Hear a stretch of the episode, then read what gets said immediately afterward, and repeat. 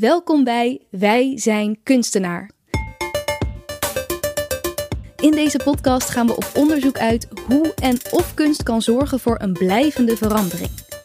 Kunst zorgt er wat mij betreft echt voor dat je dingen die er nog niet zijn voorstelbaar kan maken. Dat je samen kan kijken naar een bepaalde wereld die er nog niet is. Mijn naam is Diede Vonk en in deze serie spreek ik creatieve makers die onze wereld kritisch bevragen. Ze betrekken bij hun projecten gewone mensen uit de samenleving, zoals jij en ik. Wat heb je verder iets met kunst? Of... Nee, helemaal niet. Nee, ik heb wel in mijn vriendenkring mensen die in de kunst zitten, maar nou ja, wie verdoet je tijd, man?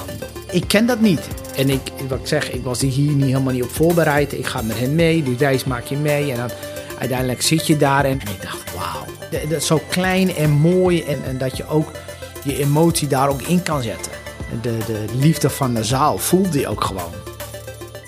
Is het een illusie om te denken dat kunst echt iets kan veranderen? Of maken deze projecten daadwerkelijk impact op de makers, deelnemers en de wereld om hen heen? Zijn wij allemaal kunstenaar? Kijk, kunst is echt wat, wat zal zorgen dat de nieuwe generatie en de oude generatie bij elkaar komen. De initiatieven waarover je zult horen hebben steun gekregen van het Vriendenloterijfonds. Ik hoop dat de makers en deelnemers die ik spreek me kunnen leren hoe zij met kunst een verandering teweeg brengen. Ik ga het ontdekken en neem je graag mee.